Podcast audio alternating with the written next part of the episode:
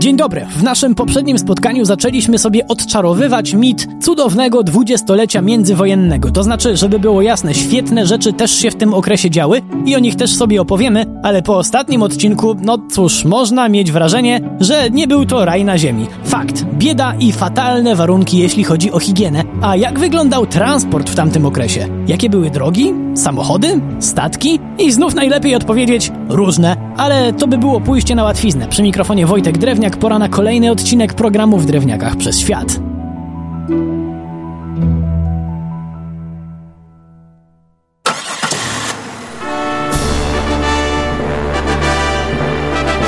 Niby zawsze warto porównywać się z największymi, ale jednak czasem bezpieczniej tego nie robić, bo można dostać poważnych kompleksów. W 1935 roku w USA produkowano 4 miliony samochodów rocznie. W Wielkiej Brytanii trochę ponad 400 tysięcy, a u nas jeździło 25 tysięcy. Podkreślam, jeździło, bo o produkcji na taką skalę można było sobie pomarzyć, co nie znaczy, że nie robiliśmy swoich fur. Od 1928 roku wytwarzano nasz pierwszy samochód osobowy CWS T1, jednak z centralnych warsztatów samochodowych wyjechało tylko kilkaset sztuk, bo w pewnym momencie postanowiono wprowadzić inny model produkcji. Władze uznały, że łatwiej będzie produkować w oparciu o licencję sprawdzonej marki, za jaką uznano włoskiego Fiata.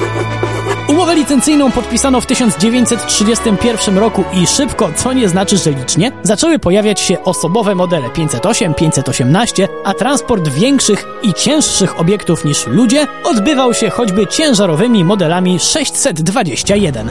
Jednak o współpracy z włoskim koncernem, która trwała przecież po II wojnie, wie wiele osób. To może coś mniej oczywistego. Nasi współpracowali też ze Szwajcarami, którzy udzielili nam licencji na podwozia do autobusów. Polskie zakłady produkowały natomiast całą resztę. Oczywiście były też plany, żeby zrobić własny pojazd od A do Z, jak już nasi ogarną tak zwany know-how. W fazie projektu była już w pełni polska limuzyna, którą planowano produkować w latach 40., jednak nic z tego nie wyszło z oczywistych względów.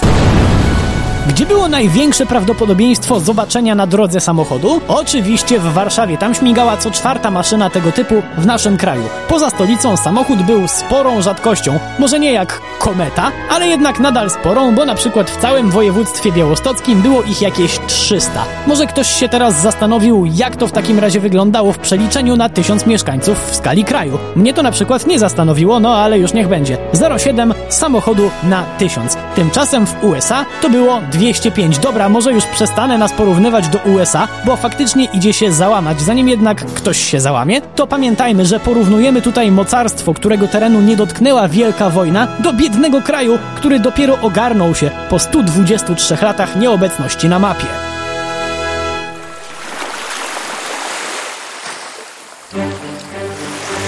A jak z drogami?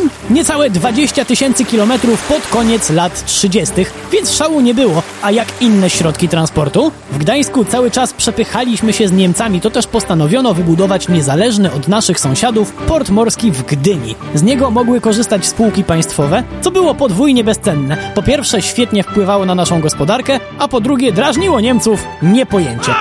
Co więcej, jak w latach 30. pojawiło się trochę więcej możliwości, to nie oszczędzano na modernizacji naszej floty i nie mówię tutaj wcale o marynarce wojennej, bo we włoskich stoczniach zamówiliśmy kilka transatlantyków, a pierwszy z nich o imieniu Piłsudski był klasą samą w sobie. Czemu? Bo przy jego wnętrzach miękły najwspanialsze europejskie hotele. Łącznie 78 świetnych projektantów wnętrz zadbało o najmniejsze detale, a wisienką na torcie był basen. Jeden z pierwszych w historii zainstalowanych na statku.